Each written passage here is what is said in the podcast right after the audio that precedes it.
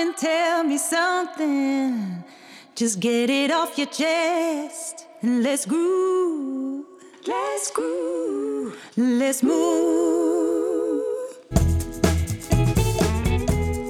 Jacqueline Strooband groeide op in Brazilië. Haar moeder was standaards en haar vader verrichtte projecten voor de kerk. Ze kwam op haar vijftiende naar Nederland samen met haar broer. In 1994 studeerde zij af als standaards aan de ACTA in Amsterdam. Al snel na afstuderen begon zij bij M2 tandarts in Voorburg en werd al snel maat. In die tijd had M2 slechts negen medewerkers. Jacqueline zette de implantologieafdeling op en in 2014 was zij de belangrijkste initiator van de M2 Academy. Een volwaardig studiecentrum met collegeruimte en een cursus samen met 12 behandelstoelen. Nu 26 jaar later heeft M2 twee praktijken met elk 10 kamers en 132 personeelsleden. Na haar vaders credo, alles kan zolang je maar wil, probeert Jacqueline te leven. Luister naar het bijzondere verhaal van tandartsimplantoloog Jacqueline Strooband. De Tandarts, Vrijheid en Meesterschap podcast. De podcast vol wijsheid, tips en tricks over communicatie, teambuilding, leiderschap en het marketen van goede tandheelkunde. En bovenal jouw opstap tot financiële vrijheid en jouw succes. Welkom bij de Tandarts, Vrijheid en Meesterschap podcast.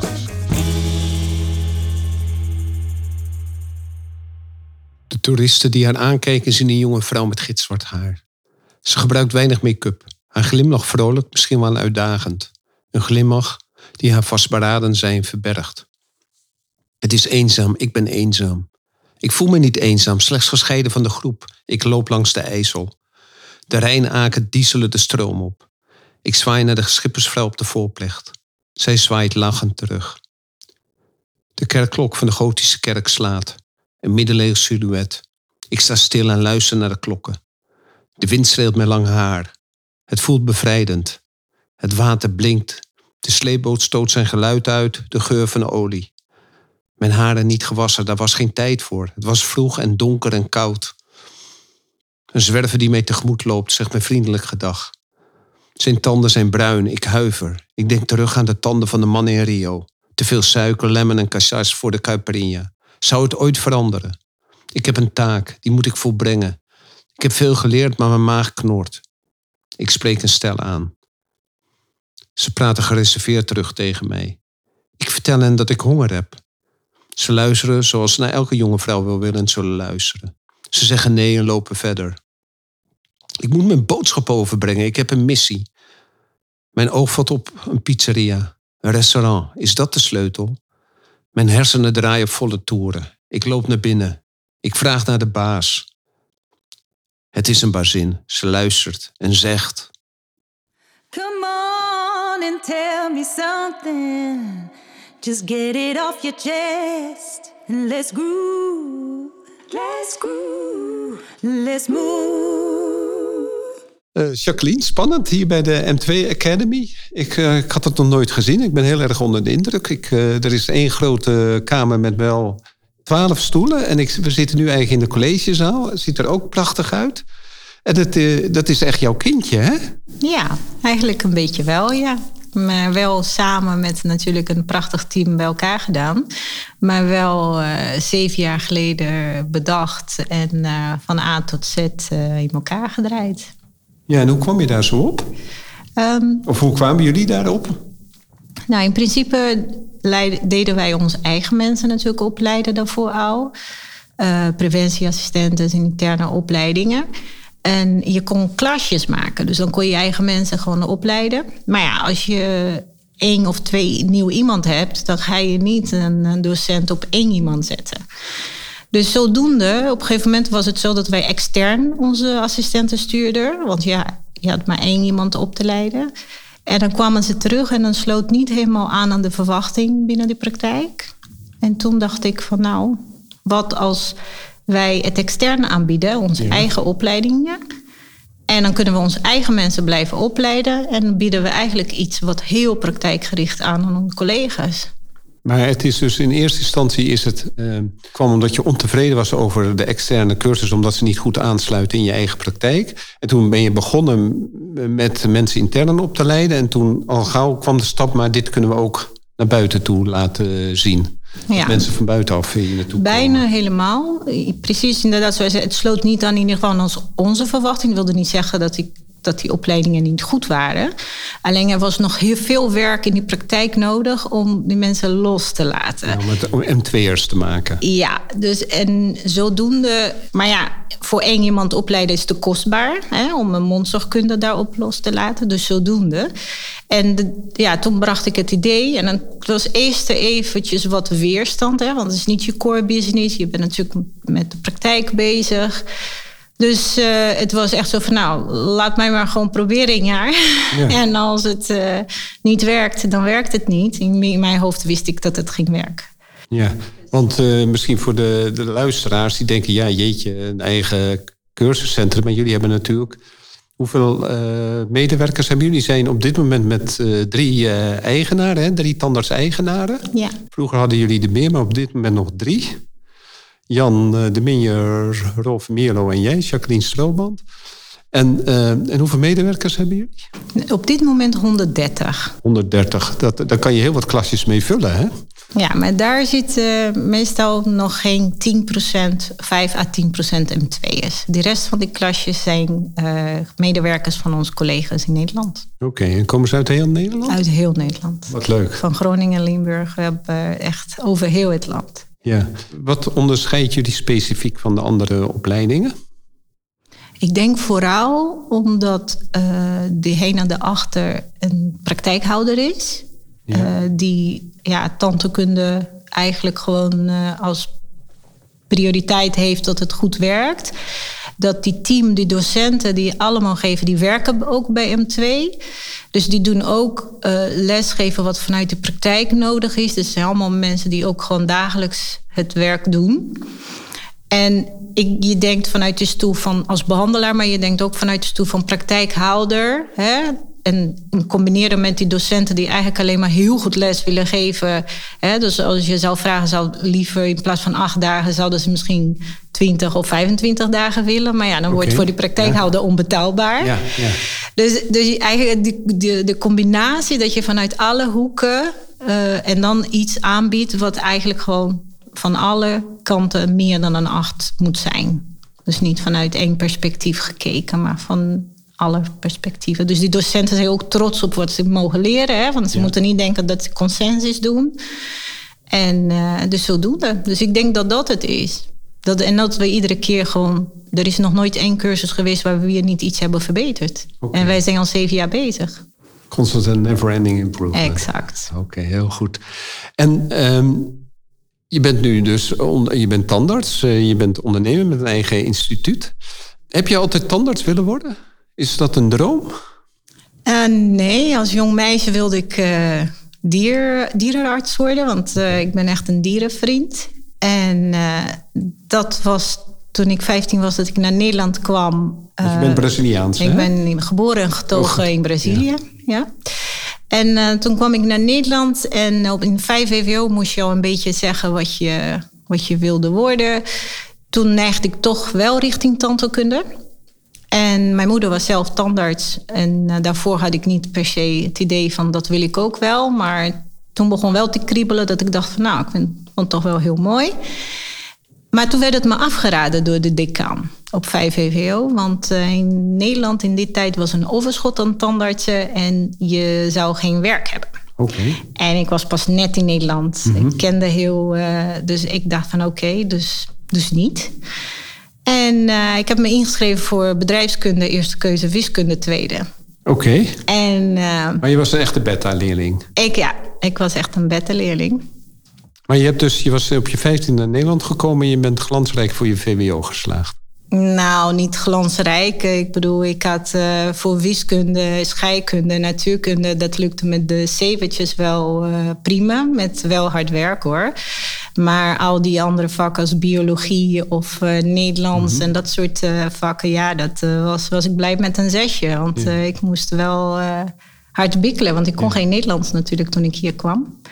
Dus uh, nee, ik heb uh, wel uh, prima alles gedaan. En, maar ik, ik, ja, ik moest er wel veel voor doen. Dat, eh, dat wel. Maar dat, het scheelde dat ik voor de exacte vakken niet heel veel hoefde te werken. Dus kon de tijd in de andere vakken steken. Oké. Dus, eh, dus dat scheelde wel.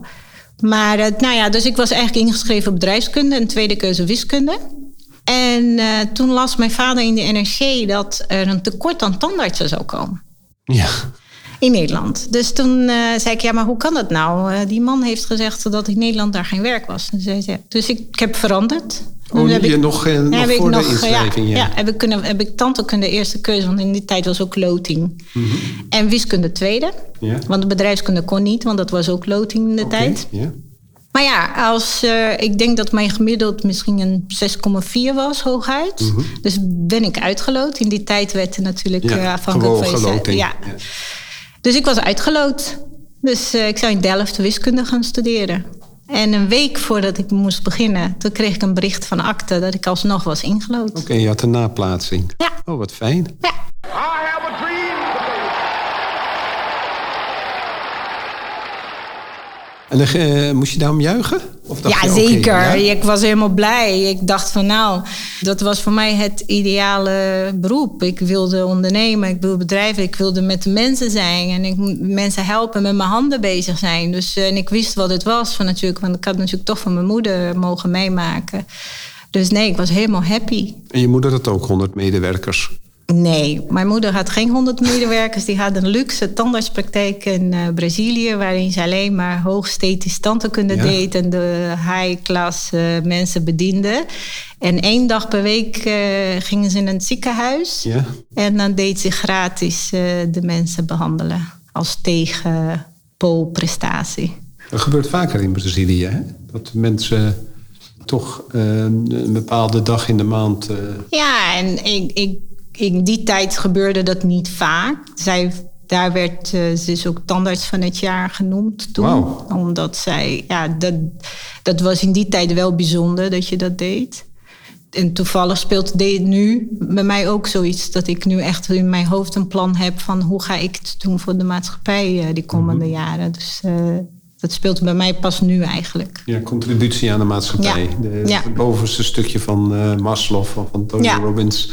Ja, het Ja. staat bij mij wel uitgewerkt in mijn hoofd. En ik moet alleen nog eh, gaan eh, kijken met, eh, met die partners van M2.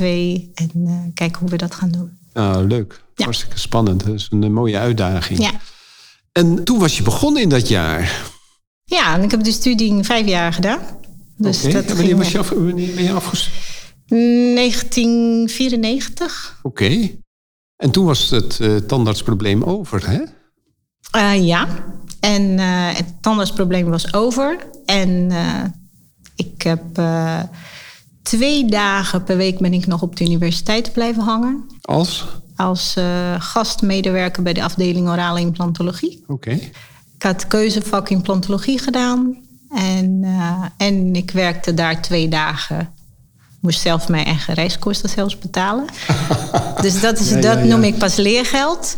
Dat is echt leergeld. Dat Maar is en- leergeld. En wie waren de grote mensen op dat moment? Nou, echt een enorm... eh, zo fijn dat ik dat heb mogen maken. Herman Hosman was chef Oh, ja, de kliniek. En eh, nou, geweldig. Het, eh, echt iemand die ongelooflijk bereid was om jou alles, alle kennis die die in huis had, om zomaar over te geven. En dus ik heb eh, twee jaar lang heel veel van hem mogen leren. En zoveel mogen leren dat ik eh, twee jaar later gewoon volledig zelfstandig binnen M2 implantologie heb, eh, ben gestart. Oké. En, maar je, Herman Hosman, die werkt niet bij M2. Nee, Herman Helsman was chef de kliniek van orale Ja. implantologie op akte. En Ja. ik ben gewoon in mijn eentje binnen M2 implantologie natuurlijk eh, Hoe gestart. ben je bij M2 terechtgekomen? Oh ja, dat is ook een leuk verhaal. Ehm, ik deed orale implantologie en als keuzevak en ik deed medisch gecompromitteerde patiënten bij de poli. Dus superleuke combinatie, want eh, je was bij de poli was je eigenlijk met gewoon algemeen tandheelkunde bezig. En je had ook nog het medisch gecompromitteerd erbij, dus daar moest je overal rekening mee houden. En- Want het waren allemaal AZ4-score patiënten wat je daar behandelde. En daar was eh, mijn mentor, eh, Renate Hoekstra, die was heel streng. Oh. En voor mijn gevoel deed ik niks goed in haar ogen. Oh, Hij was, hij was naar jou streng, Ja. niet naar de patiënt. Nee, naar mij. En eh, voor mijn gevoel dacht ik, nou, ik doe echt niks goed. En maar En- wat voor kritiek had ze dan? Nou ja, ja, eigenlijk hoe ik eigenlijk ook zelf ben. Vaak kijken naar wat beter kan.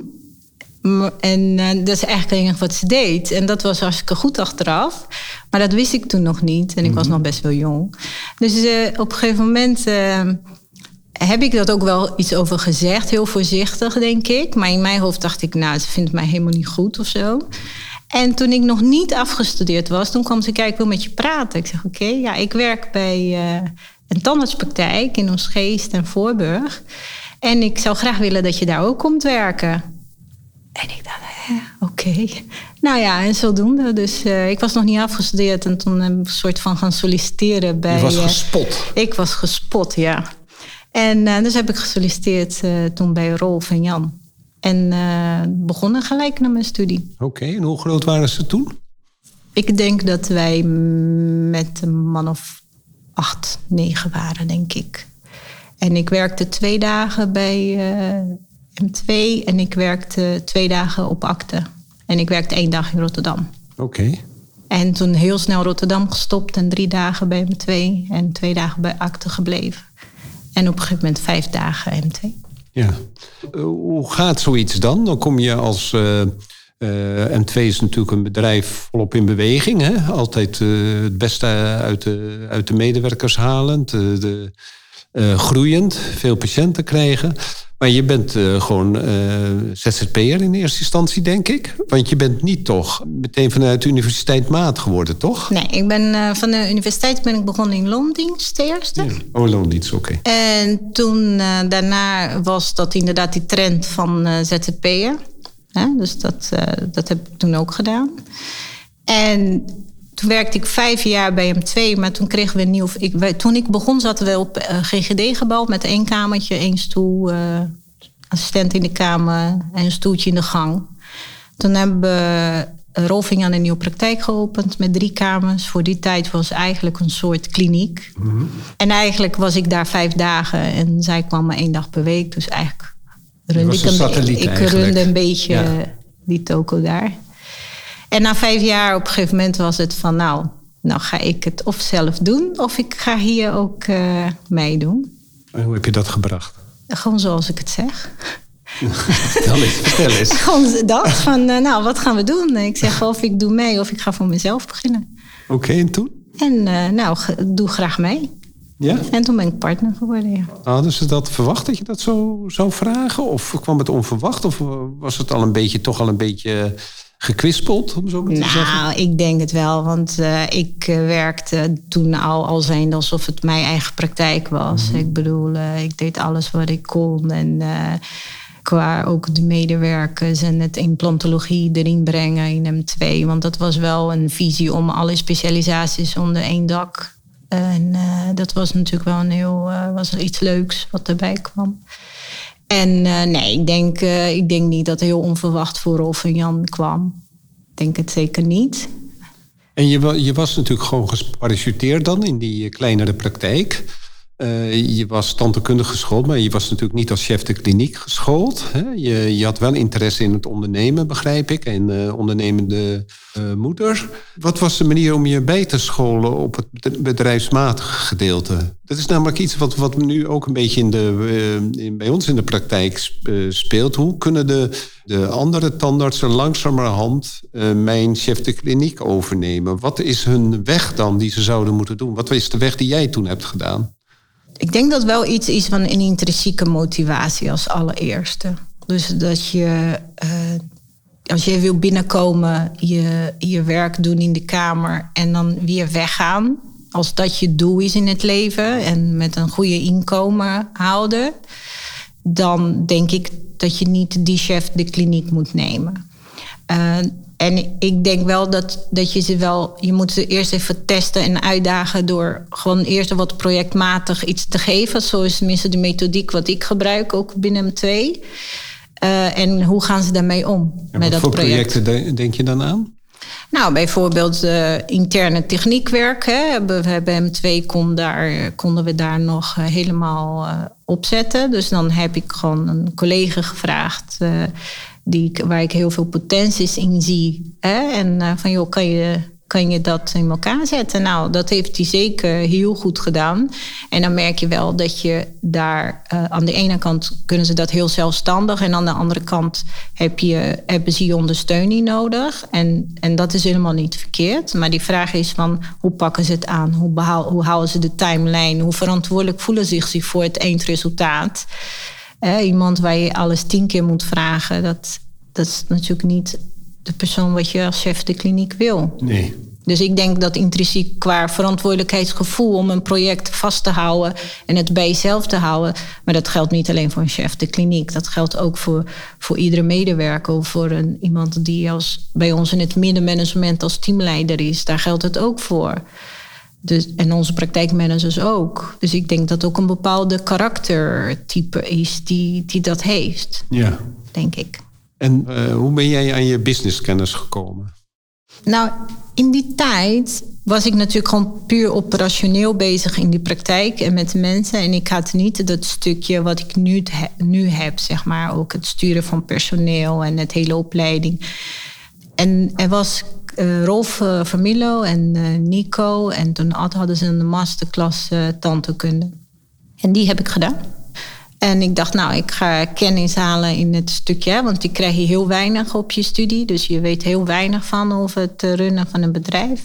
Dus de, ik vond wel dat ik daar wel heel veel praktische kennis heb opgedaan.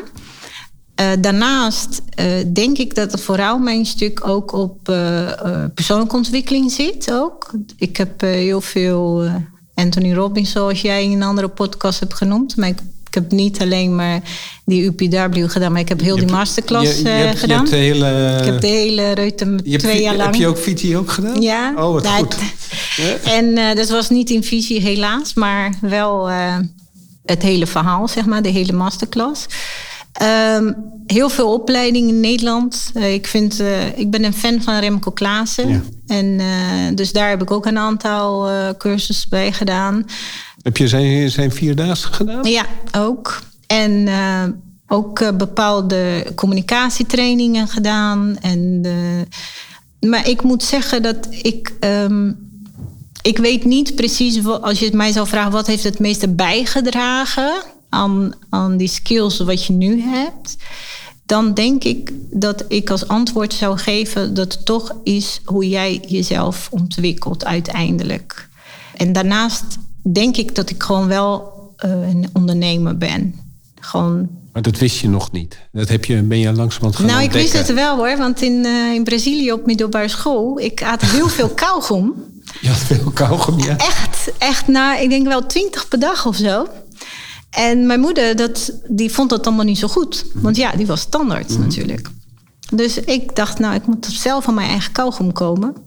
Dus ik kocht een doos... En uh, daar zat 120 in. En als ik er 30 van verkocht had, dan kon ik weer een nieuwe doos. En dan had ik er 30 voor mezelf.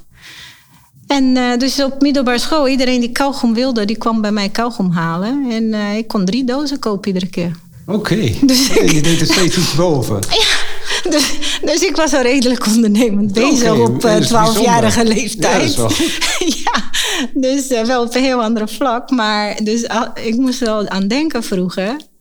Toen ik dacht van, oh ja, weet je, wie verzint dat? Dat vertelde ik aan mijn kinderen. Ja. Ik zeg, ja, dus waarschijnlijk zat het toch gewoon in. Dan zit het erin, ja. je ziet de kans. Ja, ik zag een je. kans. En ja. uh, het was voor mij goed. Het was voor mijn uh, vriendinnetjes goed. kinderen ook.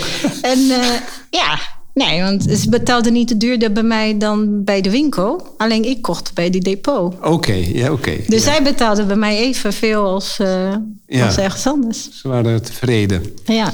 Um, ik zit me opeens te bedenken, ik kende je nog niet. En toen hoorde ik het verhaal van mijn goede vriend Nico, die zo onder de indruk was van een uh, jonge tandarts. Uh, die bij een dropping zonder geld. je moet lachen. En, en, ik heb het nog, volgens mij nog nooit met jou besproken. en als ik dus Jacqueline hoor, dan. dan want ik heb pas later begrepen dat jij dat was. En dan zie ik altijd. Uh, die jonge tandarts die uh, bij een bedrijf binnen probeert te komen om, ik weet niet meer waar, om aan geld ja, te komen. Ja, je of moest aan, eten. Je moest eten. Vertel eens, wat, wat gebeurde er? Ja, dat was een heel leuk verhaal.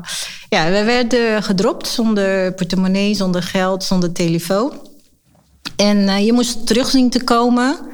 En je moest eten die dag. En, uh, nou, en alles, gewoon overleven, zeg maar. En uh, nou, ik ben, dus ik ben gaan lopen. En eerst ik je moest terug naar de, Je de moest conferentie. terug naar die naar, conferentie waar het was. Ik denk, wat is van Apeldoorn naar de Harmelmolen, wat zou het zijn? Hoeveel kilometers? Ik weet het niet. Ja. Dus sommige mensen hebben ook gewoon gelopen hoor, terug. Ja, ja. Dus, uh, en uh, dus ik heb eerst ben ik eigenlijk een beetje gaan lopen in Apeldoorn. En wat leuke gesprekken met mensen gaan voeren. En ik was nog helemaal niet mee bezig van ik moet eten of ik moet wat dan ook. En tot ik op een gegeven moment dacht ik, nou heb ik honger. En uh, dus ik dacht, hoe ga ik dat doen? Dus ik liep een restaurant binnen, midden in Apeldoorn. Dat waren twee restaurants. Er was aan de ene kant een soort pizzeria en daarnaast wat chicere. En ik vroeg naar de, naar de manager. En dus nou, dan kwam een dame, best wel pittige dame. En uh, ja, wat kan ik voor je doen? Ik zeg, nou, ik, ik leg het verhaal uit. Ik zeg, ja, wat wil je voor me doen dan? Ik zeg, nou, als ik mag, dan wil ik door uw bedrijf lopen, met uw mensen spreken. En dan ga ik daarna u heel mooie dingen aangeven waar uw bedrijf beter kunt runnen. En als u dat de moeite waard hebt gevonden, dan zou ik graag een maaltijd willen. Ja, ze keek me echt aan van, nou, die is helemaal, helemaal gek. Maar ja, ja, is goed, is goed, is goed, zegt ze. Dus ik ging dat doen. Dus ik heb iedereen gesproken. Nou, dat uh, kok bij de pizzeria, die wilde eigenlijk bij die andere restaurant, die was op zoek naar andere banen. Mensen zaten op verkeerde plek. Ze vonden haar communicatie uh, slecht. Ze hield zich niet aan afspraken. En uh, het werkplezier was heel laag. Maar hoe introduceerde je jezelf dan? Want je komt zo'n vreemd bedrijf binnen en uh, er komt de jonge vrouw binnen en die gaat dan vragen: hey, kok, zit je wel op de goede plek? Nee, ja, weet je, dat is misschien ook mijn natuurlijk talent dat ik heel laagdrempelig ben. Dus uh, ik, ik, ja, ik denk dat als iemand mij ziet, dat hij wel waarschijnlijk trouw ik wel vertrouwen uit op een of andere manier, want het gesprek ging heel spontaan. En ik legde gewoon de situatie uit en van het een kwam het ander. En dus ik vroeg niet direct zo op de man af. Ik vroeg wel toestemming of ik mocht delen met haar. En ik gaf suggesties hoe het beter zou kunnen. En daar waren ze allemaal mee eens. Maar ze hadden geen vertrouwen dat het zou helpen. helpen. Dus ik heb gezegd, ik heb wel die maaltijd nodig. Dus als ik jullie toestemming heb om die suggesties te doen, dan wie weet. Nee, dat was allemaal goed. Nou, dat heb ik gedaan. En uh, toen, ik, had een, ik was nog geen vijf minuten bezig. Toen vroeg ze al, wat wil je eten en wat wil je drinken? en, uh, nou, en ik heb gegeten, gedronken. Ik heb anderhalf uur met haar gepraat. En toen ik klaar was, kreeg ik ook nog 50 euro. dus, dus ja... Na anderhalf uur coaching heeft ze 50 euro voor betaald voor zijn pizza. Dat was best Ja. wel. uh, ik kan me voorstellen dat ze dacht van. uh, Mooie fooi was En dat. ze had, uh, ze had best wel aardig tools, want anders was ze haar hoofdkok kwijt geweest. Ja, want dat, dus het voor haar kwam je als een eh Cadeautje. godsgeschenk. Ja, dus ik, eh, dat was heel leuk. En op dat moment realiseerde ik me eigenlijk ook onbewust van... oké, dit is je ding eigenlijk. En eh, ik vond het wel leuk, dus ik liep naar buiten. En eh, toen dacht ik, ja, ik heb eigenlijk geld om terug te gaan. Dus ik moet niks meer. Ik heb gegeten, Ja. ik kan terug. Dus... En eh, nou, dus ik heb weer wat mooie gesprekken gevoerd met mensen. En toen dacht ik, nou, nou wil ik terug. Dus ik denk, wat kost een taxi? Dus ik heb een taxi gevraagd wat het kostte. Nou, dat kon ik betalen met die 50 euro. Dik, denk ik. Ja, dus ik heb een heel onwijs mooi gesprek met die taxichauffeur gehad. Wat bijzonder. En die zat, eh, die was een beetje depressief en er gebeurde van alles in zijn leven. En eigenlijk gewoon een heel fijn gesprek. En eh, hij, eigenlijk- hij was eigenlijk heel blij. En eh, hij had naar zijn idee nieuwe inzichten gekregen. En ik kwam daar op de hamermolen en ik wil hem betalen. En hij zegt, nee hoor, dat is, eh, dat is goed zo.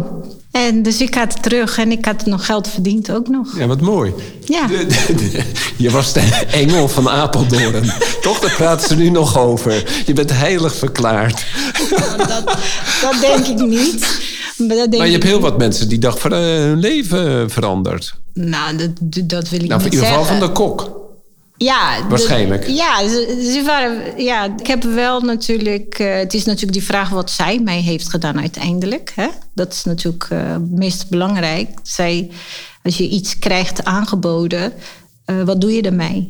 Hè? Dat, dat is natuurlijk. ik heb dat, ben nooit gaan kijken of zij het wel of niet heeft gedaan. Maar haar zij was heel zwaar onbewust onbekwaam in wat gaande was en in haar aandeel erin. En toen ik wegging, was in ieder geval bewust onbekwaam. En dat is een hele belangrijke stap. Ja, dus of ze daar uh, dat praktiseren daarvan, uh, dat weet ik natuurlijk niet. Wat, uh, die, wat heeft jou dat gebracht, die escapade met dat met pizza-restaurant en met die taxi? heeft dat je een bepaalde richting opgeduwd? Nee, eerlijk gezegd op dat moment nog niet ik, uh, dat is een beetje mijn valkuil. Zo van, oh, dat, dit is ook dit is normaal, zeg maar. Dus het was, voor mij was het geen, geen uitzonderlijk iets. Op het moment dat ik begon, had ik het vertrouwen dat ik wel terug zou komen. En pas toen iedereen die verhalen van zichzelf vertelde, dat iemand is gaan lopen, iemand heeft toch gepind of, eh, of dat soort uh, dingen, dan werd gezegd: Oh, hè, maar dan nog niet. En eh, het is grappig dat je dat noemt, maar het heeft mij jarenlang gekost voordat ik soms, en dan heb ik nog steeds moeite mee om terug te kijken en denk, oh ja, dit was toch best wel oké wat je gedaan hebt. Dus dat is, niet, dat is nog steeds mijn leercurve erin. Dus heeft het mij wat gebracht? Nou, uh, iemand anders zou misschien zelfvertrouwen gebracht. Uh, bepaalde zelfkennis. Eh, zo wijs was ik het toen nog niet.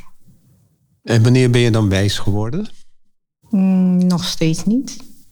Dat is mijn leer. Dat is denk ik uh, wat ik waarschijnlijk heel bewust onbekwaam ben. Bewust bekwaam in het. Uh, nee. Onbewust bekwaam zijn. Nee, ja, in het. Uh, ja, nee, ik. nee, ik ben daar niet. Maar verlang je daarnaar? Uh, wat, um, wat zou je. Uh, dat is een vraag waar Thijs Lindhout altijd mee begint. En die van de week ook aan mij gevraagd wordt. Wat zou je uh, later willen worden als je groot bent? Ja. ja, wat zou je later willen worden als je groot bent? Um, waar ik nu, hè, als 52-jarig, nu um, bewust van ben, en maar dat is echt bewust, dat is voor mij geen vanzelfsprekendheid, is continu naar kijken naar wat er is. En, uh, en daar ook dankbaar voor zijn. Want de aard van het beestje is naar morgen kijken. Dus wat zou ik willen als ik groot ben, is dat ik dat meer in een onbewuste manier dat doe. Dus niet heel bewust. En ik heb een man naast me die gewoon onbewust bekwaam is en in de minuut te leven. Oké. dus dat is wel heel fijn. En wat bedoel je daarmee? Nou, die denkt niet over, een, over zelfs niet eens over de volgende uur, laat het dan over morgen. Dus die leeft echt in dat moment. En is dat een irritatie voor je of is dat een. Uh, nee, een, een, ik ben eerder jaloers. Dan ben je jaloers, ja. Ja, als vrouw levert irritatie als hij niet weet, als hij niet doet wat hij natuurlijk vergeet, omdat niks is belangrijk behalve het zijn en zijn gezin. Dat is toch een prachtig levenswijze, toch? Dat is ontzettend uh, wijsheid, ja. want dat is, dan ben je bijna verlicht. Ja, nou, dat is die. En dus alles wat moet, dat moet misschien wel, maar van wie? Dus, dus we hebben een deur, een voordeur die kapot is en die alleen maar dicht kan met sleutel. En dat is al vier weken. En ik dacht, ik ga het niet regelen. En wat is jouw achterliggende gedachte? Nou, kijk hoe lang het duurt voordat, uh, voordat een van ons vier gezinsleden denken van ik ga die deur wel regelen. Oh, wat grappig. En, uh, Oké, okay, nee, ik. Uh... ik had het al lang binnen dezelfde uur willen regelen. Ja, natuurlijk. Ja, ja maar nee. Ja, maar je gaat dan geen vergadering uitschrijven om. nee dat is natuurlijk een probleem. Hè? Dat is een, uh, een probleem wat in, uh, in veel tandartspraktijken natuurlijk is.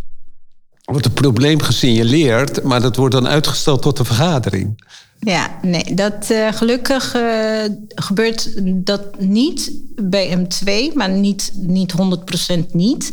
Maar dat, dat is niet het cultuur. Hè, het cultuur is niet hier dat wij problemen gaan oplossen in vergaderingen dat is toch wel hopelijk uh, iets wat wij wel in de afgelopen... Wij bestaan dit jaar 35 jaar. Mm -hmm. En waarvan ik 26 jaar deel van uitmaak. Dan uh, hoop ik toch echt wel dat het op, oplossingsgericht zijn, dat we dat toch wel grotendeels erin hebben zitten.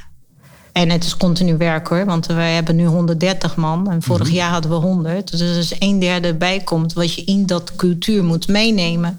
Dus die verhouding van vroeger van 8 naar 10 naar 12 naar 14, dan is het makkelijk als 80% het al doet en je 20 komt erbij. Ja. Maar op momenten dat er soms 20, 30% erbij komt, en soms afhankelijk van welke functiegroep dat is, dan is voor ons een continu uitdaging om iedereen in dat M2-cultuur te krijgen. En wat vertellen jullie als eerste?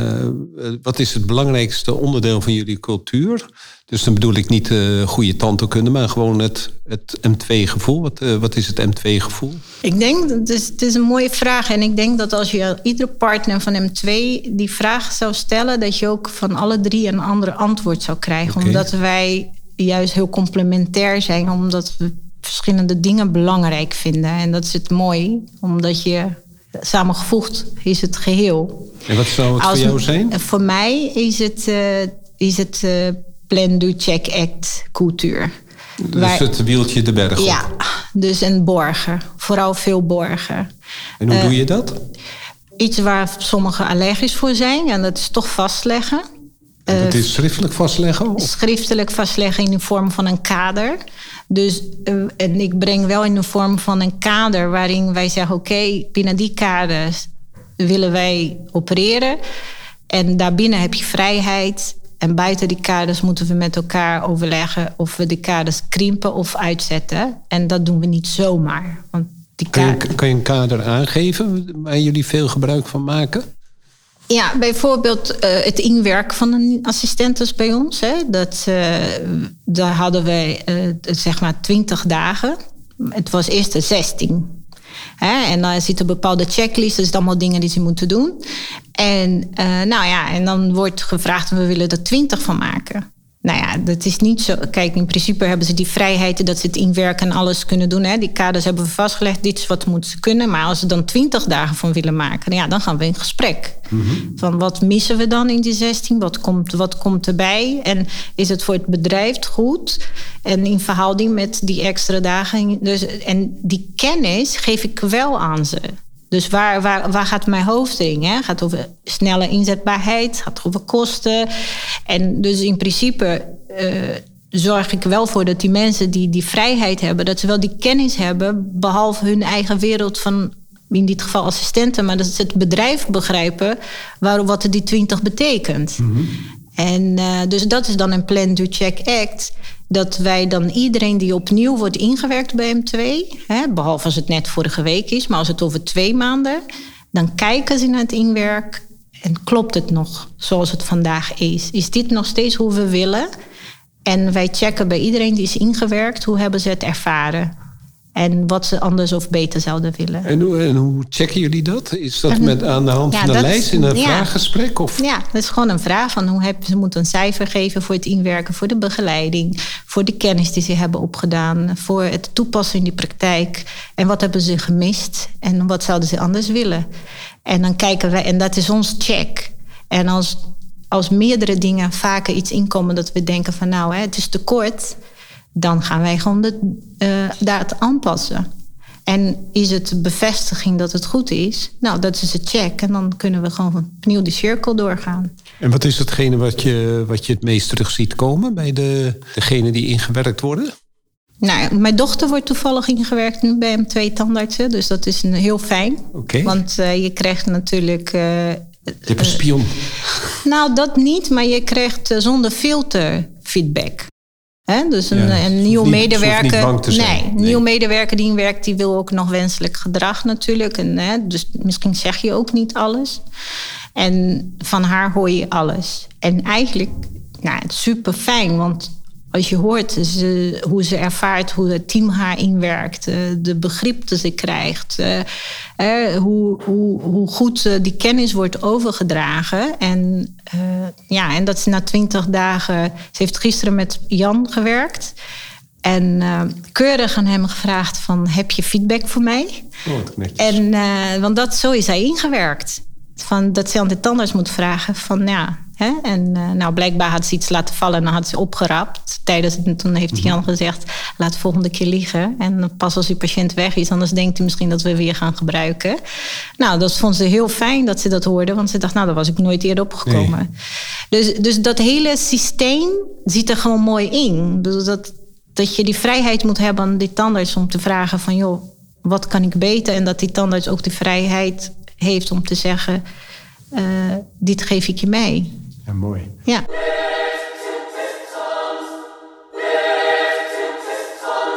Wat is de beste verandering die je hebt doorgevoerd in de praktijk, M2 of in je persoonlijke leven, waardoor alles beter is gaan draaien? Ja, weet je, Ron, ik, uh, ik denk dat wij verschillende fases, hè, zonder in te gaan op bedrijfskundige termen, hè, even op simpel houden, dat wij verschillende fases hebben gehad binnen twee naarmate ons team groeide. In het begin was natuurlijk uh, Rolf, Jan, ik en uh, die partner die in de tijd was. Uh, ja, dan ben je de, de motor hè, achter het bedrijf. Dus je bent heel veel aan het doen en je kan heel veel doen. dan, oh, ik vond dat op 30, 35 aantal medewerkers een keerpunt kwam. Toen zijn we begonnen met eigenlijk praktijkmanagers uh, zeg maar, te starten. Nou, daarnaast hebben wij, uh, uh, toen dachten we van nou oké, je kan niet het hele team assistentes en teamrecepties. Dus zijn begonnen met teamleiders, maar één teamleiders voor, bij, voor meerdere vestigingen. en daarnaast heb, daarna hebben we dat uitgebreid naar teamleiders per vestiging. Dat noemde ik het middenmanagement. Dat wordt maar gewoon genoemd omdat in het midden vond ik dat ze eigenlijk niet horen bij ons. Ze horen niet, een beetje ook niet helemaal bij die werkvloer. Want zij, zij vertegenwoordigen het bedrijf, die directie. Maar ze vertegenwoordigen ook het werkvloer. Dus zij, zij moeten denken van beide kanten en beide wereld naar elkaar toe brengen. En, uh, en dat is denk ik uh, wat heeft gemaakt dat M2 kon groeien naar 130 man. En steeds zich aanpassen aan beide wensen. Wensen van het bedrijf en wensen van het team.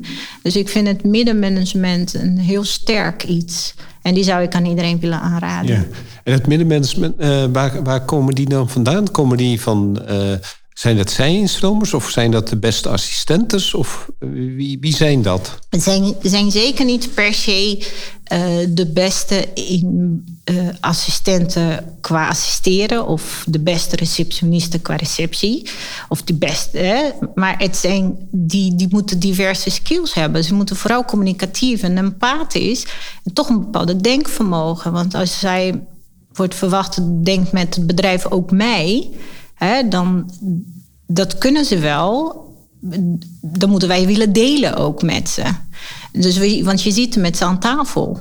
Ja, je, je deelt iets. Dus, ik, dus eigenlijk, uh, hoe komen zij aan die functies? Toch wel doordat ze een tijd uh, aan, binnen twee te werken.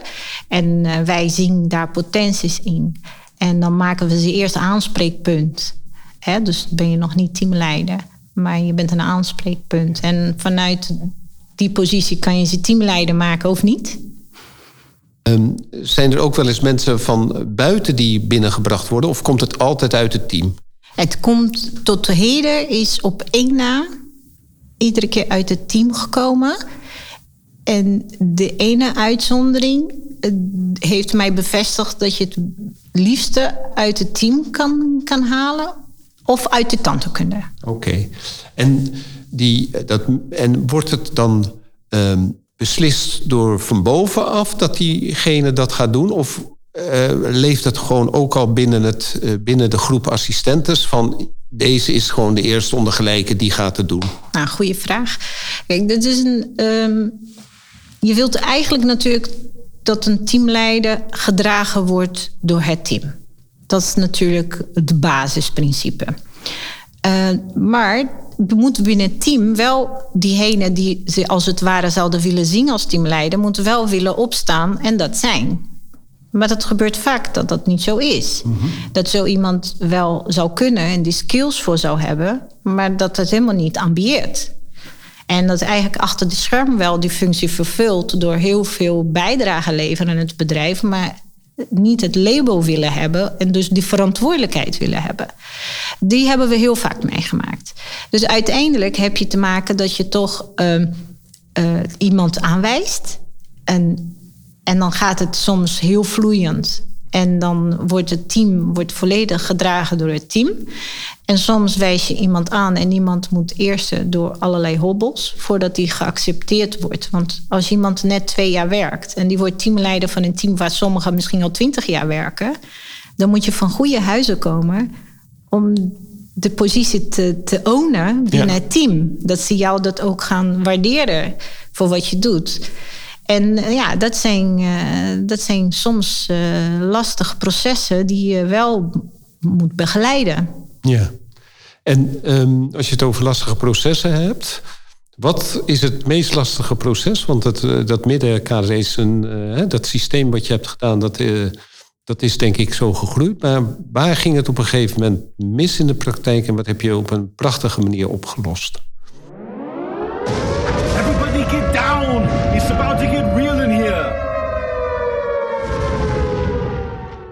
Kijk, waar, waar, wat wil je als, als M2? Het is niet ons, ons droom, ons visie. 25 jaar geleden was niet van in 2021 hebben wij een praktijk met 130 medewerkers. Mm -hmm. dat, dat, is niet wat wij hadden geschreven. Wij hadden geschreven dat wij gewoon uh, gepassioneerd professional zijn, die mooie tanden kunnen willen doen.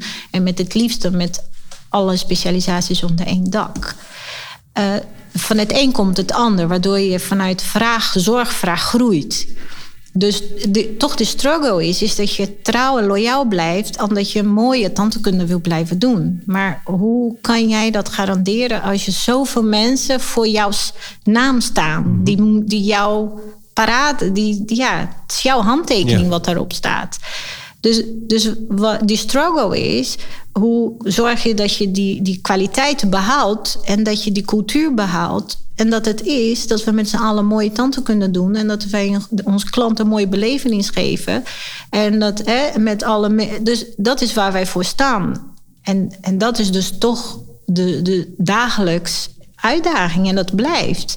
En nu voor ons middenmanagement is ook. Dus wij staan nu met weer een keerpunt. Daar begon ik eigenlijk mee. Die 130 is weer een nieuwe keerpunt. Ja, dat is weer een nieuwe stap ja, in de het is een nieuwe, ja. ja. Dus het is nu, je merkt het nu ook. Dus dat het, ook het middenmanagement heeft het nu zwaar.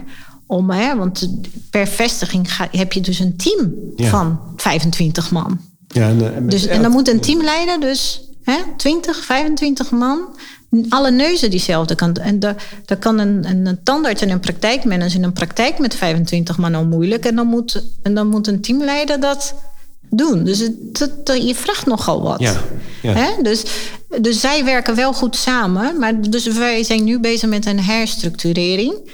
En dat is nu nieuw, hot. Daar zijn we aan het brainstormen. Van eh, hoe we dat eh, gaan doen. Hè? En, eh, En de briljante ideeën, komen die dan uit- vanuit uit de eigenaar of ook vanuit eh, degene die het aangaat? Nou, ik zou eh, willen denken dat het, de behoeften uit diegenen die bezig zijn, die behoeften die ze hebben of die knelpunten die ze hebben, dat geven ze aan. Wat wij proberen vervolgens is van oké, je mag 5% hebben over je behoeften of en laten we netjes over behoeften in plaats van klagen praten. Dan eh, wat is je behoefte? En dan graag 90% gaan we samen praten. Hoe, wat is jouw oplossing? Hoe denk je dat? Hè? En hoe kunnen we dat implementeren? En is het te implementeren? Hè? Dus eh, oplossing met alleen maar extra man en extra dit.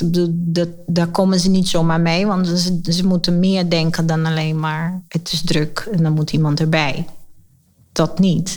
Dus, eh, dus in die zin dat. Maar eh, hè, toevallig had ik vandaag eh, ook een iemand uit het middenmanagement. En ik zei, je 5% is voorbij nu. Wat is de oplossing? Oké. dus dus, dus die, die heb ik nu gewoon heel transparant gezegd. Wij praten 5% over het probleem. Maar we gaan nu even kijken van hoe gaan we het oplossen met z'n allen. Want die, die keerpunten zie ik ook. Hè? Dan laten we dan, eh, hoe gaan we het oplossen? En geef je die bal dan eh, over? Of blijft die bal een beetje tussen jullie inzweven? Of wordt die dan toch weer op jouw nek gelegd? eh, of in jouw handen gelegd? Nou, het zijn echt hele mooie mensen die in het middenmanagementteam. Dus die voelen zich net zo verantwoordelijk als wij dat het goed gaat. En, en natuurlijk voel je je eindverantwoordelijk dat hun werkdruk uh, gewoon normaal blijft. En dat zij, hè, want ze zouden allemaal alles voor blijven doen. En dus dat, dat, daar voel je die balletje niet bij. Ja, dat je verantwoordelijk voelt dat, het, dat je wel de oplossing, hè, als ze er zijn, dat je zorgt dat ze gerealiseerd worden. Hè, en niet dat je hoort, oké, oké, en dan volgens niks mee doet. Dat, in die zin die balletje wel, dat ik verantwoordelijk voel dat, oké, nu moet een oplossing komen. En hoe gaan we het doen? Maar het liefst wil ik dat zij die oplossing aandragen. Dat is mooi. Ja. De zeven zwoele vragen. Welke, welk boek ligt op je nachtkastje? nou Ron, ik zou meteen uh, zeggen, ik ben geen lezer. En, maar ik, heb wel, ik vind het wel mooi om boeken te, te lezen, zeg maar. En ik word getriggerd soms door dingen die ik hoor of lees. Uh, eigenlijk, uh, er was een boek nu.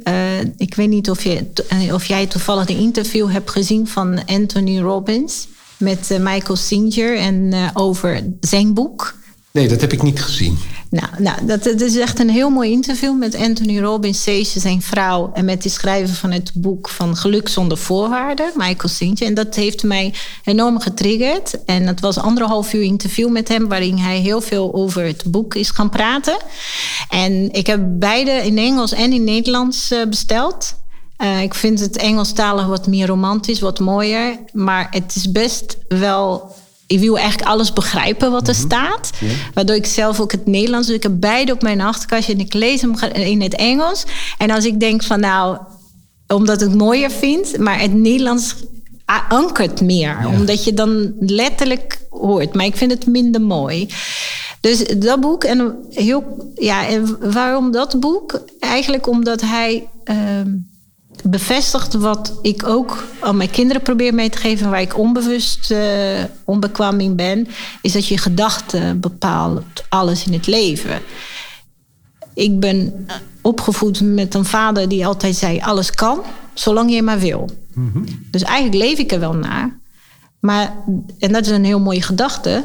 Maar tegelijkertijd kan ik heel veel gedachten hebben waar ik me druk om maak om dingen. En, dus, en hij zegt, verander je gedachten en dan verander je hoe je voelt. En daar gaat heel het boek over. En uh, nou, dus dat was op dat moment aan mijn lijf geschreven toen ik het las. Uh, toen ik zag in interview, dus die heb ik. En, uh, en ik kwam toevallig een boek van Toeval bestaat niet. Oké. Okay. En dat is ook een, iets waar ik in geloof. Toeval bestaat niet. En daar gaat het hele boek over. Want uh, eigenlijk zien we dingen als toeval, terwijl je eigenlijk kansen zijn die je opgepakt hebt en gecreëerd.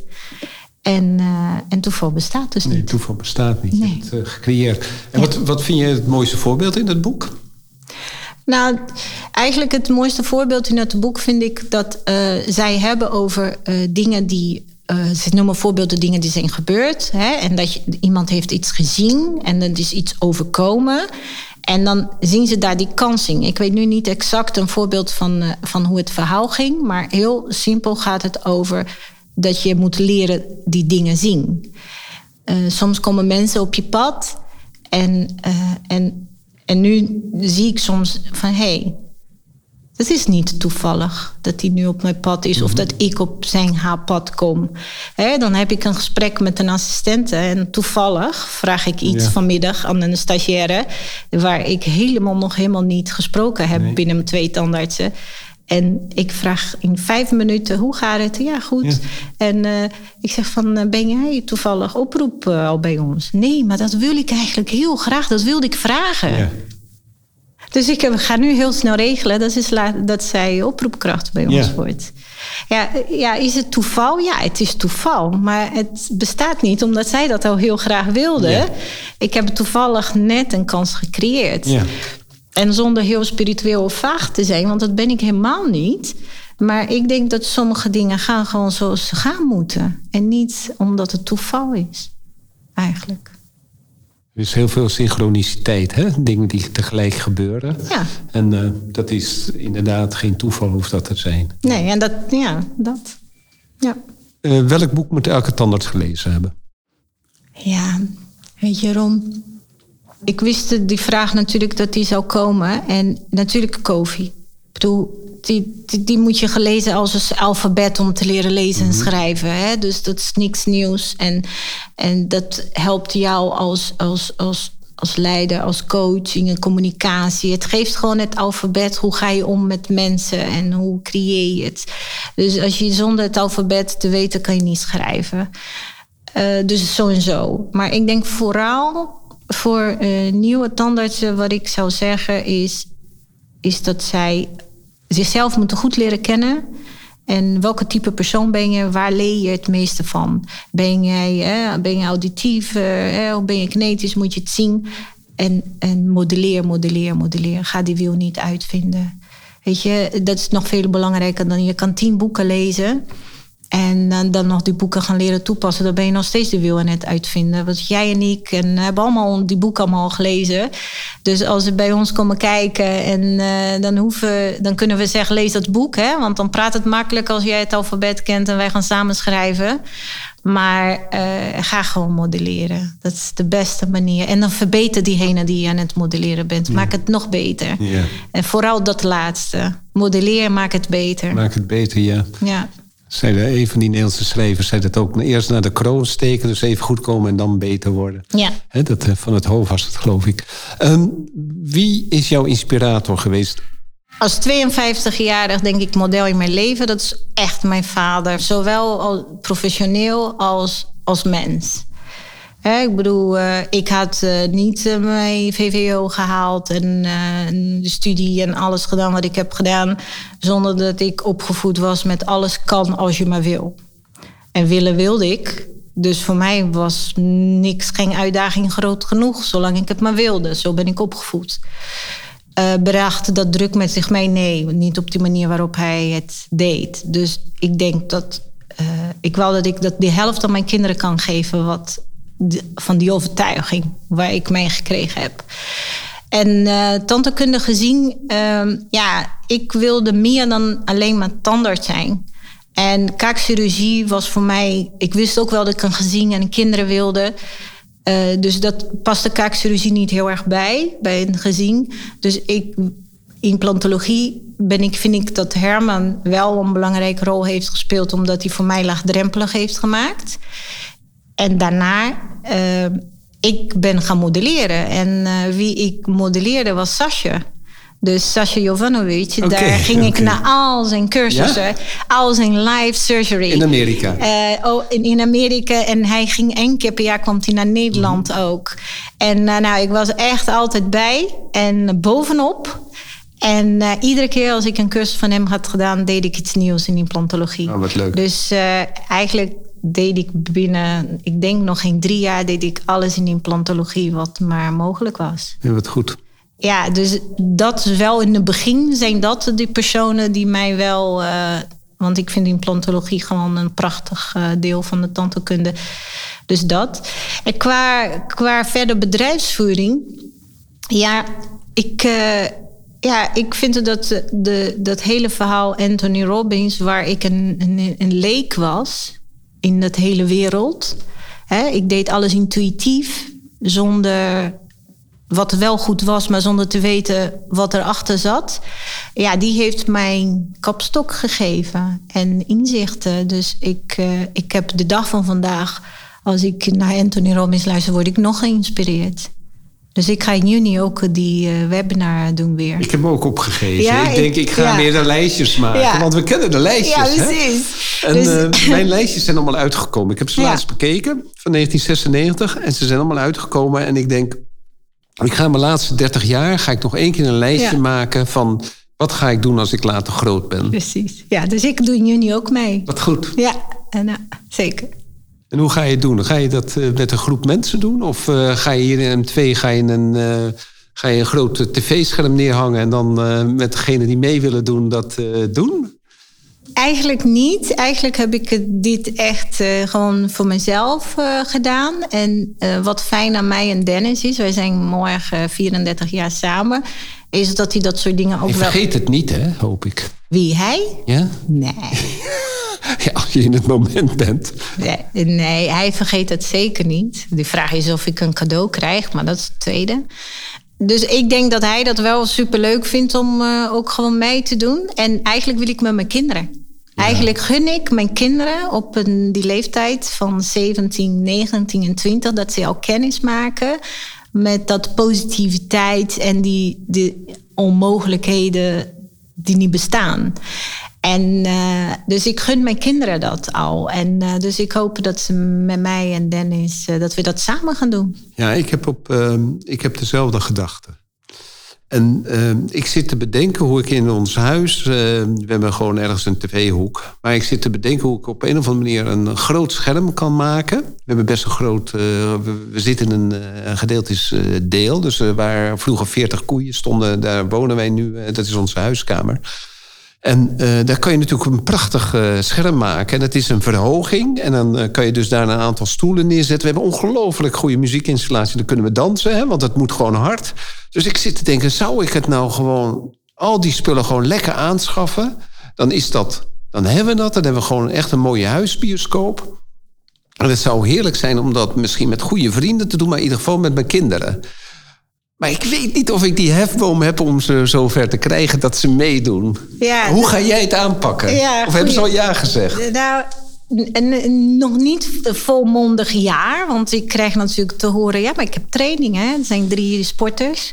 Ja, ik heb training, ik heb dit, ik heb dat. Dus, en uh, ik ben ze een beetje aan het teasen... doordat ik stukjes uh, via in ons gezin WhatsApp dingen aan het sturen ben. Om, om ze een beetje een beeld te geven van. En ik vraag: wil je dit zien? Wil je dit luisteren? En uh, ik weet niet of het zover komt dat ze vrijwillig het gaan doen.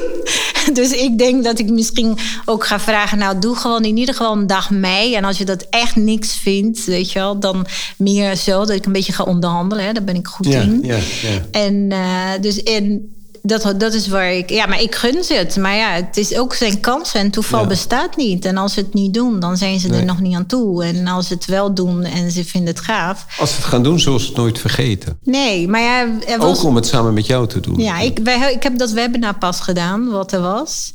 En zij... het, het, uh, je bedoelt de vijfdaagse van Tony Robbins? Nee, dat ja, elke avond? nee, dat was een paar maanden geleden. Kon oh, toen ben je ook nog naar de Hamermolen geweest. Is dat die? die? Ja, ja. Die, ja.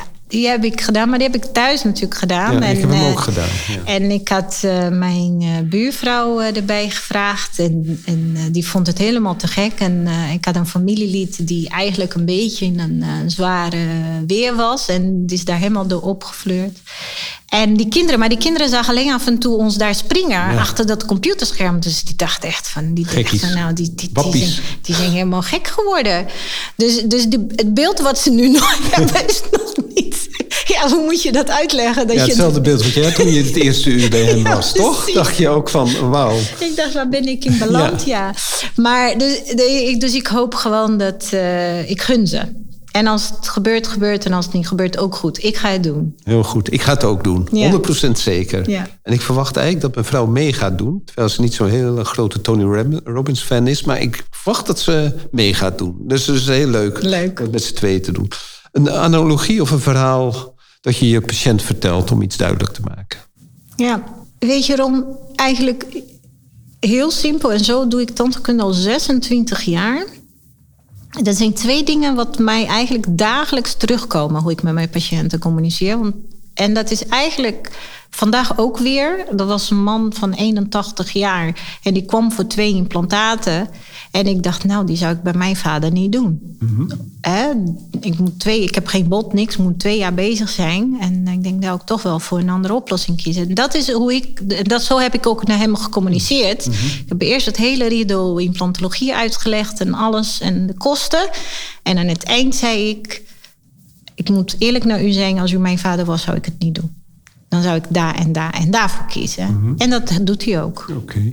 En dus, dus eigenlijk puur oprecht vanuit zijnde van dat stuk tandheelkunde... waarom ik wel of niet bij een dierbaar of bij mijzelf zal doen. Dat, dat, Dat is echt... En oprecht, dat, Ja, dat om is wat mensen ik- over de streep te trekken. ja, ik, Gewoon eerlijk eigenlijk vanuit niet je het- nee, eerlijk, gewoon in eerlijkheid. Van nou, Ja. dit zijn het, dit zijn de mogelijkheden. En bij mij of bij, en dat meen ik dan ook. Dat werkt, want het is ook oprecht. En zo geef ik ook al die tandartsen die ik begeleid, als ze met een vraag naar mij komen, zal ik daar en daar wat doen of zo? Of ze kunnen, en dan enige vragen wat ze van mij verwachten, zou je dat bij jezelf doen? Ja, nou dan, dan heb je je antwoord. Zou je bij je moeder doen, dan heb je je antwoord. En als je twijfelt of je bij je moeder zou gaan doen, wat zou je dan wel doen? Mhm. En dan heb je je antwoord. En, en dat is het eigenlijk. En de tweede is. ehm, preventie is heel hoog bij ons in Mhm, die praktijk. En eh, ik bedoel, we hebben die paropreventies, die preventiesassistenten. Dus ik bedoel, al, onze patiënten die gaan twee keer per jaar of naar een PA, PA plus of MH. En vaak, ondanks de goede zorg en de goede professionals, krijg je geen verbetering. En dan komen ze bij jou voor implantologie. Ja. En wat ik merk, wat heel goed werkt, is niet hebben over plakken en tandstijng en u moet het beter doen, maar dat ik heb over, over hoeveelheid bacteriën in uw mond is te veel.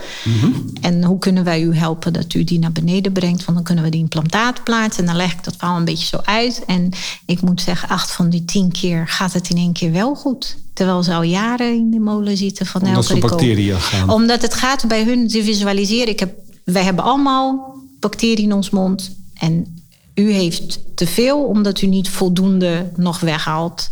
En u moet meer weghalen. En dan is, heeft u nog steeds bacterie, maar op een level wat geen schade aanricht. En als u niet lukt om voldoende weg te halen, dan kunnen wij die implantologie nog niet doen. En binnen twee maanden kunt u daar zijn, als, u, eh, als het u lukt. Ja, zo is het ook. En zo is het ook. En, ik, eh, en daar boek ik heel veel succes mee. Dus vandaag ook. En dan maak ik afspraken over drie maanden. En dan zet ik alle afspraken bij de mondhygiëniste. En dan acht van die tien keer over drie maanden is het goed. En dan kunnen we verder. Dat is een mooie. Ja, Dat is een goeie. ja want je houdt het van het persoon af. Ja.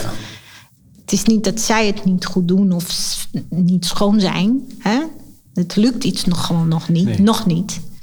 Ja, en dat helpt. Dat werkt. Adviseer een cursus of nascholing. Nou ja, als implantoloog eh, ben ik recent geweest bij een, eh, een eh, cursus in Spanje. En we waren met een gezelschap van 25 implantologen met heel veel ervaring. Echt tussen de 15 en 25 jaar ervaring in implantologie met kaakchirurgen. En Inaki Gamorena die heeft het voor elkaar gekregen dat wij allemaal met iets nieuws naar huis gingen. Oké. Nou, dat, vind, dat vond ik zo knap. Dus ik denk dat eh, die zou ik sowieso aanraden aan iedere collega implantoloog eh, om dat te doen. En ook vooral omdat hij niet terugdijst om ook het trucje te laten zien, live. En ook met de patiënten. Dus je komt echt terug dat je denkt van, "Ah, dat wil ik gaan doen ook. Ja, het is misschien vaktechnisch te veel om te zeggen, maar dat we soft tissue uit die tube halen in plaats van alleen uit het eh, palatum. En daarnaast, ehm, kijk, in mijn jonge jaren was paarmeijen natuurlijk. Hè? Dus ik heb al die cursus daar gedaan toen ik pas afgestudeerd was. Ja, dus ik heb echt alles wat ik kon doen, deed ik daar. Ik leerde heel veel eh, daar. En tegenwoordig zijn natuurlijk andere restauratieve opleidingen in Nederland. Ik vind het wel een beetje een soort van hot, een soort mode nu. Hè? Dat je pas afgestudeerd bent, je hebt nog geen kilometers gemaakt. En dan, eh, en dan wordt heel veel restauratieve tandheelkunde gedaan. Dus ik raad dat zeker aan, want ik heb het zelf ook gedaan. Maar ik heb wel gedaan na de periode dat ik die kilometers had gedaan in de algemeen tandheelkunde. Hè. En kilometers heb je minstens anderhalf jaar voor nodig. Dus, eh, dus dat zou ik zeker aanraden. Verbreed je kennis. En eigenlijk wat mij opvalt, is dat niet iedere pas afgestudeerde tandarts elk jaar voldoende nascholing doen. Want ze denken, ik kom net uit de universiteit. Dus jouw vraag is, welke cursus raad je aan? Hè? Van implantologie dat, restauratieve tandheelkunde. Maar ik zou eigenlijk aanraden aan iedere tandarts gewoon... doe, ook al ben je net vanuit de universiteit, juist doe gewoon elk jaar nascholingen. Ja. En, eh, want van, ja, of dan moet je heel slecht gekozen hebben. Maar in principe kom je al in- geïnspireerd terug. En eh, al, al heb je één ding geleerd, dan ben je één ding beter. Ja. Het loopt al een beetje voor eh, op de laatste vraag. Eh, welke drie dingen adviseer je een startende of studerende collega? Ja, het is heel cliché. Hè? Dat zeggen ze in het leven. Je bent het gemiddeld van de vijf mensen met wie je omgaat. Ik zou die vertaling naar tandheelkunde willen zetten. Dat je bent het gemiddeld van de vijf tandartsen met wie je werkt. Eh, ik heb helaas vriendinnen gehad die tandheelkunde zijn samen afgestudeerd. En die zijn in praktijken terechtgekomen waarin ze het plezier in die tandheelkunde heel snel hebben verloren. Nou, het Hoe is dat mogelijk? Hè? ja, ik heb het geluk gehad dat ik wel in een praktijk kwam waar tantekunde gewoon tantekunde was. En bij haar was omzet, omzet, omzet. En dat was haar beeld van tantekunde geworden. En ze wilde zich echt omscholen en iets anders gaan doen. Dus ik, mijn grootste advies is: kies een omgeving waarin tantekunde wordt gedaan vanuit passie en voor het vak. Want jij wordt daar het gemiddeld van. Hè? Dus, dus omring je door kennis en ervaring. Dat is zo en zo. En ik heb het geluk gehad dat ik dat heb gehad. En dat gun ik eigenlijk iedereen. En daarnaast, eh, die dingen die ik eigenlijk net heb wel gezegd. Eh, blijf trouw aan jezelf. eh, doe tantekunde heel je carrière zoals je bij je dierbaren zou gaan doen. En doe daar geen consensus aan. Voor, voor geen enkele reden, eigenlijk. Dankjewel, Jacqueline. Volgens mij heb je heel veel mooie dingen gezegd. Zeker voor beginnende collega's. Ik denk dat er heel veel wijsheid in zat, dus uh, dankjewel. Nou, heel erg bedankt. Ik, uh, ja, ik vond het heel leuk dat je mij vroeg. Ik, had niet het idee dat ik... Uh, ja, waarom je mij vroeg eigenlijk, wist ik echt niet eens. Maar ik vond het wel heel leuk om te doen. Oh, dat wil ik je nog wel zeggen waarom ik je gevraagd heb. Um, ik doe dit voor mijn dochter. Hè. Dat, is de, dat, dat is het uitgangspunt. Mijn dochter die, uh, die gaat mogelijk de mondzorg in. En ik, als hij klaar is, is, ben ik 70. Dus ik dacht bij mezelf, hoe kan ik nou de kennis een beetje overdragen en mijn passie die ik heb voor de tandheelkunde aan haar. En dan dacht ik, ik ga dat via het interviewen van mensen doen die belangrijk voor mij geweest zijn. Voor mij is, is het, het verhaal uh, wat ik toen hoorde, van, uh, dat je gewoon bij bedrijven binnen kan stappen, is voor mij heel, heel belangrijk geweest. Ja. dat is echt, uh, dat, is, dat is voor mij wel een eye-opener geweest. En wat je hier doet met jou. Kijk, wij hebben een, een, gemeenschappelijke ruimte. Maar wat jullie met deze academy doet, uh, dat is natuurlijk uh, fantastisch. En dan neem ik echt uh, petje af wat jullie hier voor elkaar gebracht hebben. Want jullie zijn, ja, het is natuurlijk fantastisch om een eigen universiteit te hebben. Dat is ja. toch, en dat, er zijn niet veel mensen die dat hebben. En wat ik altijd zo tussen de regels door lees, ben jij toch wel een van de grote voorvechters hiervoor geweest. Nou, dat is wel de reden dat ik jou uitnodig. En er zijn uh, de enige die dit uh, nou. zo in Nederland gedaan heeft. Dus het is heel bijzonder. Nou, leuk. Nou, superleuk. Nou, ik vond, uh, voel me vereerd. En onwijs bedankt voor die uitnodiging.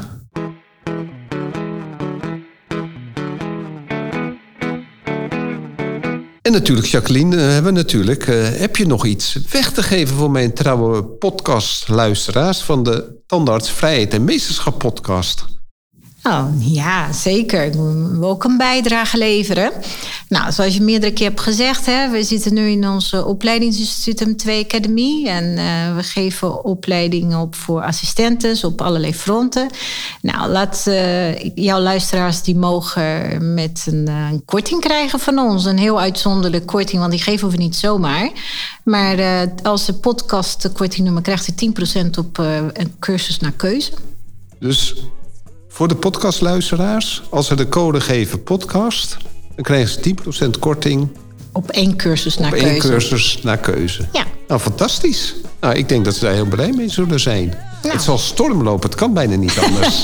naar de, nou, deze ja. succesvolle uh, podcast. Dat, uh, dat gaat natuurlijk door heel, uh, het hele Nederlandse tandheelkundeland. Dus, nou, dat komt vast goed, want ik sta achter elke opleiding. Dus dat komt vast goed. Oké. Okay. Allemaal inschrijven. Dankjewel. Jij ook.